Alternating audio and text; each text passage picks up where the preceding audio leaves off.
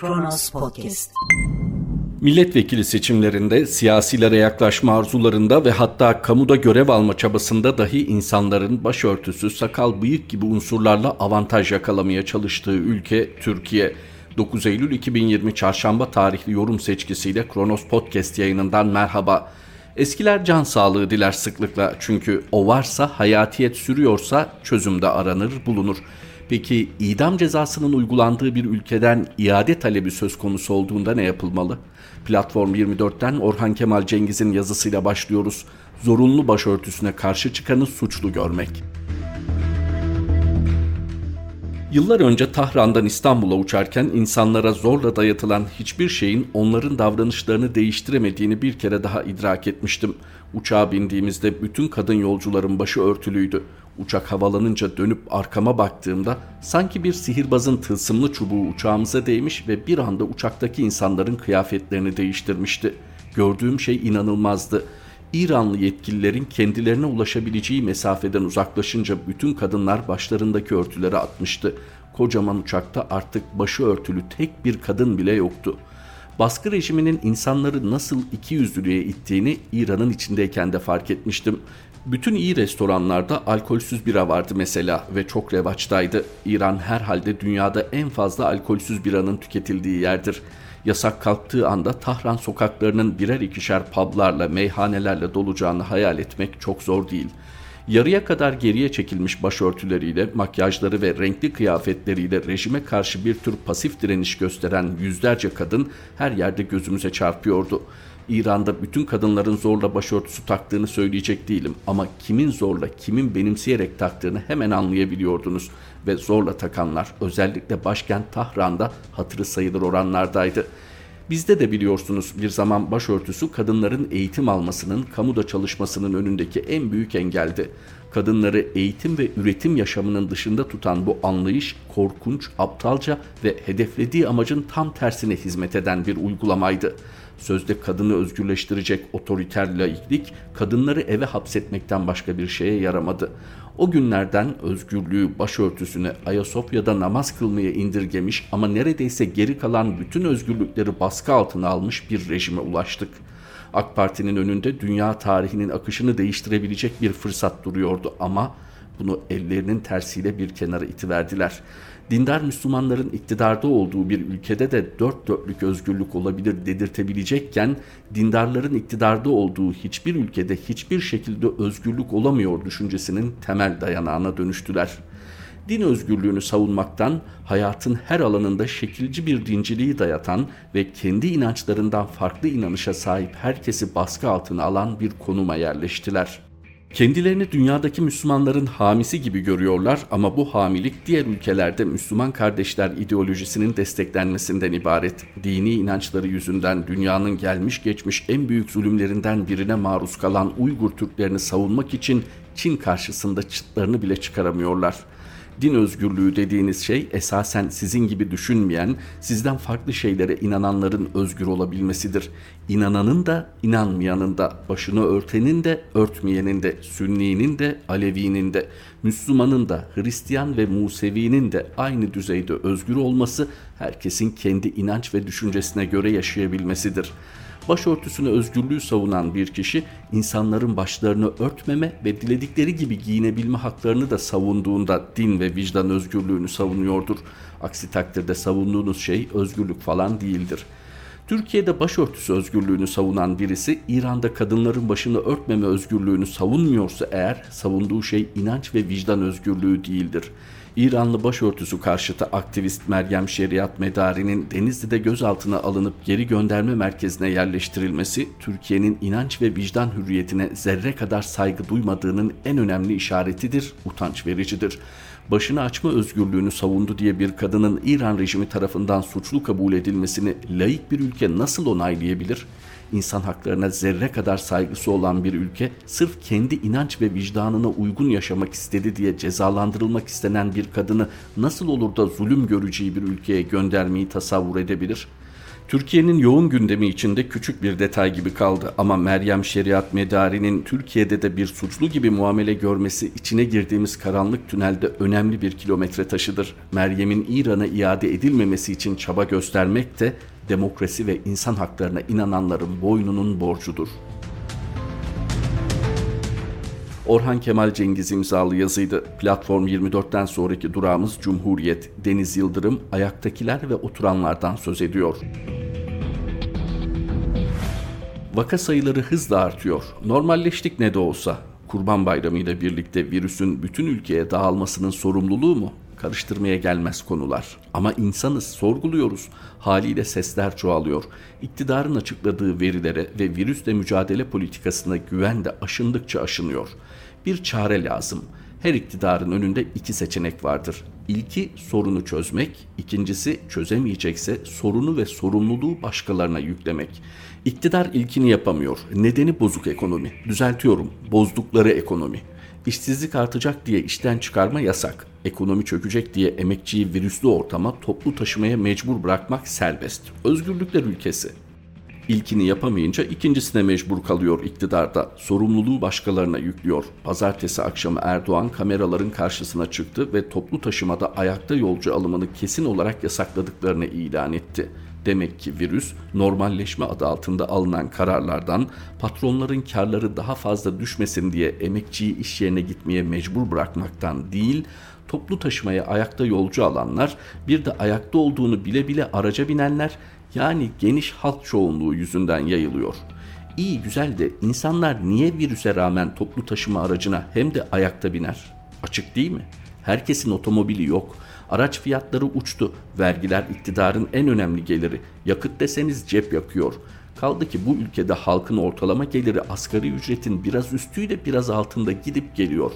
Bu ortamda işe gitmeye mecbur bırakılan, servisleri de kesilen emekçiler elbette toplu taşıma kullanacak.'' Diyebilirsiniz ki toplu taşıma araç sayıları artırılsın. Doğrudur ancak İstanbul'un sorunu yapısal. Türkiye nüfusunun beşte biri İstanbul'da yaşıyor. Oysa yüz ölçümü bakımından İstanbul 64. sırada. Yani Türkiye'de kilometre kareye 108 kişi düşerken İstanbul'da bu sayı 2987. Kısaca 3000. Neredeyse 30 katı. Bu artışta son 10 yılın da büyük payı var. Ne oldu son 10 yılda? ürünü, emeği para etmeyen Anadolu İstanbul'a akmayı sürdürdü ekmek parası için ve iktidar ülkenin ekonomik gelişimini inşaat rantına bağladı. Taşa toprağa, bina, gökdelen ve alışveriş merkezi yaptı. Adım atacak yer bırakmadı. Bu ortamı yaratanların payı yok. Halkı şu sağlıksız koşullarda toplu çalışılan, salgının yuvası olarak işleyen işyerlerine gitmeye mecbur bırakan politikanın payı yok. Ne yapalım? Toplu taşımada ayakta yolcu alımını yasaklayalım. Oysa İstanbul İstatistik Ofisi'nin verilerine göre İstanbul'da belediyenin toplu taşıma araçlarından yararlananların sayısı 31 Mart'ta 1 milyon 24 bin 248'di.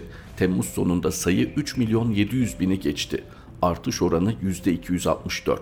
İstanbul Büyükşehir Belediyesi'nin geçmiş yıllardaki raporlarına göre minibüs ve dolmuşlara da günde ortalama 1.7 milyon kişi biniyor. Bu sayıyı da ekleyin. Ne değişti de halk şimdi yeniden toplu taşımaya yöneldi sizce? iktidarın her şey bitmiş, sorun geçmiş havasıyla başlattığı normalleşme kampanyası nedeniyle olabilir mi? Ayasofya'da on binlerle yapılan siyasi gösterinin Giresun'da milleti çay kapma yarışına sokan sıkışık mitinglerin payı yok elbette. İstanbul'da işine geç kalmamak, ekmek parası kazanmak için toplu taşımaya ayakta binmeyi göze alan emekçilerin sorumluluğu var. Hayır sevgili halkım, siz niye zenginleşmediniz? Eş dost bulup makamda bir koltuğa, makam aracında arka koltuğa kurulacak şartları zorlamadınız ki. Öyle ya, ülkeyi yönetenlerin birden fazla makam uçağı ve araçları, onlarca araçlık koruma konvoyları var. İdarecilerin makam aracı sayılarında dünya rekoruna güreşiyor ülkemiz. Koltuklarda ve makam araçlarında oturanlar kaynakları halk için kullanmıyor. Eş, dost, akraba ve yandaşa geçiş garantili ulaştırma ihaleleri sağlıyor ve parasını da emeğiyle geçinen çoğunluk vergisiyle ödüyor diye bütün sorumluluk ayakta gidenlerde mi? Sorun ayaktakiler değil, koltuklarda oturanlardır. Otobüse dolmuş erken bindiği için oturma şansı bulanlar sanmayın. Oturanlar makamlardadır.'' Deniz Yıldırım'ın yazısını aktardığımız Cumhuriyet'ten postaya geçiyoruz. Siyasette şaşmaz bir formül vardır. İyi olanlar iktidarın becerisinden, kötü gidenlerse dış güçlerden. Oral çalışlarda her derde deva dış güçler diyor. Sokaktaki vatandaşa mikrofon uzatmış soruyorlar. Kıbrıs meselesi cevap hazır. Dış güçler. Eğer ekonomi çıkmazdaysa emperyal güçler karşılığını veriyor. Ayağına taş takılsa bunu dış güçlerin oyunu sananlar var. Bir yakınım çocukluğunda dış güçleri uzaylılar sanırmış. Bizimki de o hesap. Kafası kızan, morali bozulan, hesabı şaşıran dış güçler diyor ve rahatlıyor. Bizimki de kayboldu. Bir türlü bulamıyoruz. Kesin dış güçler bir şeyler yapmıştır diye aramızda konuşuyoruz.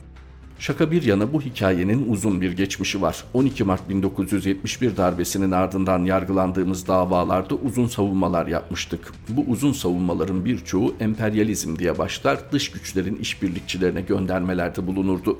Siyasi olarak suçlandığımız için biz de siyasi karşılıklar vermeyi seçmiştik. Her türlü kötülüğün kaynağı tabii ki emperyalist dış güçlerdi. Yaşanan sorunları çok uzaklardaki Amerika Birleşik Devletleri ya da Rusya'ya yükledik mi mesele aydınlanırdı. Kendi tarihimizin acı sayfalarını, azınlıklara yapılan zulmü haklı çıkartacak teoriler hazırda beklerdi. Onları emperyalistler kışkırttılar, bizi arkadan vurdular.'' Böylece kendi günahlarımızı da temizlemiş oluyorduk. Dış güçler adeta sakinleştirici bir ilaç paketidir. Eskilerin diliyle müsekkin yani teskin edici ülkenin kötü yönetilmesini, ekonomideki çıkmazı dışarıya havale ederek huzur bulabilirsiniz. Ekonomik sıkıntılar mı var? Reçete hazır. Karadeniz bakır madenimiz var. Doğa hakları savunucularını yolluyorlar. Gizli sözleşmeler, gizli maddeler var. Birilerini örgütleyip altın madenlerimizi de kapattırdılar. Borç çıkarmamıza engel olmasalar dünyanın en zengin ülkesi olabiliriz. Tabii eskiden bu tür tahlilleri, bu tür varsayımları kullanarak dünyayı açıkladığına inananlar, yani bu paketi kullananlar daha çok solcular ve ulusalcılardı. Son dönemde muhafazakar çevrelerde bu paket daha çok rağbet görüyor. Eğer bir ülke kötü yönetiliyorsa bunun birincil sorumlusu onu yönetenlerdir dış güçler ne zaman etkili olabilirler? Yönetim ya da sistem zaaf içindeyse. Bazı güçlü ülkeler yoksul ülkelerin haklarını, imkanlarını gasp ediyor. Darbecilerle işbirliği yapıyor. Askeri darbeler, sömürgecilik, emperyalizm bunlar gerçek. Ancak şunu anlamak zorundayız. Eğer biz iç güçler olarak kendi zaaflarımızı, eksiklerimizi araştırır, kendi yanlışlarımızı düzeltir, demokrasimizi güçlendirirsek kendi payımıza düşeni yapmış oluruz. Dış güçlerle de ancak bu şekilde mücadele edebiliriz. Postadan Oral Çalışlar'ın yazısıydı. Yeni yaşamla devam ediyoruz. Güncel sorunların kaynağı çok zaman güncel değildir. Hatta köklü bir geçmişe sahip olabilir. Eren Keskin de içselleştirilmiş ittihatçılık başlıklı yazısında ülkedeki zihniyet sorununun tarihsel boyutuna dikkat çekiyor. 12 Eylül askeri darbesinin 40. yıl dönümü. Büyük bir militarist darbe. Her şeyin herkesin alt üst edildiği, işkence, idam, unutulmayacak bir 40 yıl geçti aslında 12 Eylül bir milat değildi. Militarizmi ve yarattığı sonuçları TC devletinin kuruluşuyla birlikte tartışmak gerekmektedir. 1915 yılında işlenen büyük bir soykırım sonrasında kuruldu TC devleti. Osmanlı döneminde İttihat Terakki yetkililerinin emriyle uygulanan soykırım ve soykırımın zihniyet sahipleri devletin kuruluşunda karar verici makamdılar aslında 12 Eylül'le daha da derinleşen militarizmin yasama, yürütme ve yargı kurumları üzerindeki etkisi kuruluşta başladı. Yani sistemin kendisi asker odaklı olduğundan 12 Eylül darbesi de şaşırtıcı değildi. Ama nasıl doğal felaketler beklenmezse darbe de beklenmedi ama oldu ve yıktı geçti.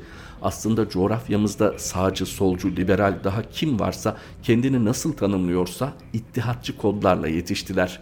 Bugün 2020 ve hala bu coğrafyada kendisini solcu olarak tanımlayanların bile büyük çoğunlukla 1915 soykırımı gündemlerinde bile değil. Cumhuriyet gazetesi okuyarak solcu olunan bir coğrafyada ne yazık ki gerçek anlamda bir muhalefet gelişmiyor. İşte en büyük sorunumuz da bu. Devleti hepimiz tanıyoruz. Devlet AKP'den önce de aynıydı. AKP iktidarında da aynı gerçekten Türkiye Cumhuriyeti Devleti'nin kırmızı çizgilerini eleştirmeyi hedef alan gerçek muhalefet için bu aynen böyle.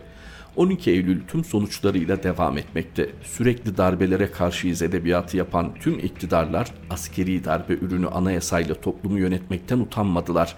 Biz hala Kenan Evren liderliğinde yapılan anayasayla yönetiliyoruz. 12 Eylül'den bu yana tüm iktidarlar darbe sisteminin uygulayıcısıydılar. Bizim sorunumuz muhalefettir. Gerçek anlamda yüzleşme talep eden, Kemalizmle İslamcılık arasına sıkıştırılmayı reddeden, 1915'te, 1938'de, 12 Eylül'le 15 Temmuz'da mücadeleyi temel alan gerçek bir muhalefet. Bunu başardığımızda işte militarizm, ırkçılık, şovenizmle mücadelede bir yol alacağız.'' Eren Keskin'in yazısını aktardığımız Yeni Yaşam'dan sonra Yeni Asya var sırada. Acaba gündem değiştirme çabası mı yoksa komplo teorisyenlerini haklı çıkaracak daha derin bir planın parçası mı? Yine mi idam diyor Kazım Güleçyüz. Avrupa İnsan Hakları Mahkemesi Başkanı'nın Türkiye'yi ziyaret ettiği günlerde idamın bir kez daha ve adeta nispet edercesine gündeme taşınması ne anlama geliyor? yeni bir gündem saptırma manevrası mı yoksa Avrupa Birliği ile zaten fiilen kopmuş olan ipleri tamamen kesme niyetinin iyice aleniyete vurulduğunu gösteren bir işaret mi? Yapılan yorumlarda hatırlatıldığı gibi idam cezasını mevzuatımızdan kaldıran ilk düzenleme Bahçeli'nin başbakan yardımcısı olduğu Ecevit hükümeti iş başındayken gerçekleşti. Avrupa Birliği sürecinin bir gereği ve sonucu olarak bu adımın devamı Erdoğan'ın başbakanlığında geldi. Avrupa Birliği uyum yasaları çerçevesinde idam cezası kanunlarımızdan tamamen çıktı. Konuyla ilgili olarak Avrupa İnsan Hakları Sözleşmesi'nin idamı yasaklayan 13 numaralı ek protokolü de AKP iktidarınca imzalandı. Sonuçta iktidarların ötesinde devleti bağlayan bir netice ortaya çıktı ve Türkiye Cumhuriyeti Devleti idam cezasından vazgeçti. Bunun Avrupa Birliği sürecine, bu süreç bağlamında birlikte ilişkilerimize bakan önemli boyutları var. Konjonktürel, şartlara ve atmosfere göre değişen siyasi kararlarla yapılacak değişiklikler kendilerini aşan ağır sonuçlar doğurur.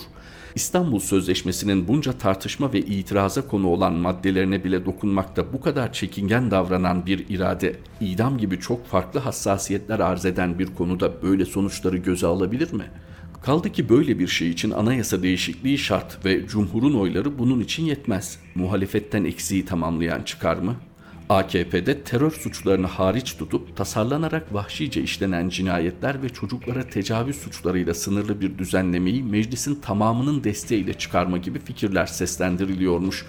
Böyle bir yaklaşım kabul görür mü ayrı konu ama infazda tüm çağrılara rağmen kapsam dışı bırakılan terör suçlarının burada yine farklı bir yaklaşıma konu edilmesinin yeni bir tutarsızlık ve samimiyetsizlik örneği olarak görüleceği aşikar. Hepsi bir yana en temel hukuk prensipleri çiğnenerek yapılan yargılamalarla üretilen mağduriyetlerin yargıya güveni dibe vurdurduğu bir noktada telafisi imkansız hatalı idamlara yol açacak ve bu alanda darbe mısırıyla aramızdaki tek farkı ortadan kaldıracak bir geri dönüş vicdanlarda kabul görür mü? Yeni Asya'dan Kazım Güleç yazısıydı. Son durağımız karar. Şenol Kaluç kim idam edilecek? Tecavüzcüler mi diye soruyor. Sayın Türkiye Büyük Millet Meclisi Başkanı Mustafa Şentop bazı suçlar için idamın geri getirilebileceğini açıklayarak iktidar ortağının çağrısına destek verdi. Malumumuz kamuoyuna yansıyan her tecavüz ve hunharca işlenen bir cinayetin ardından idam feveranları göklere ulaşıyor. Ama geçmişte idam varken bu suçların ortadan kalktığı tek bir dönem ve yer yok.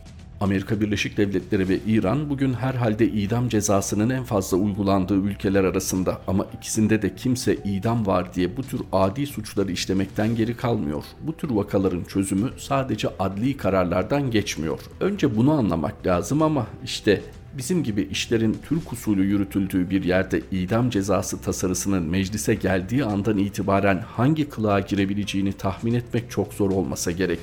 Hepimiz biliyoruz ki kapsamı hızla genişleyecek. Adi suçlardan çıkıp kutsallarımız diyerek vatan millet Sakarya derken bir bakmışız bizde rahatsızlık uyandıran hemen her eylem idam cezasının muhatabı haline gelivermiş.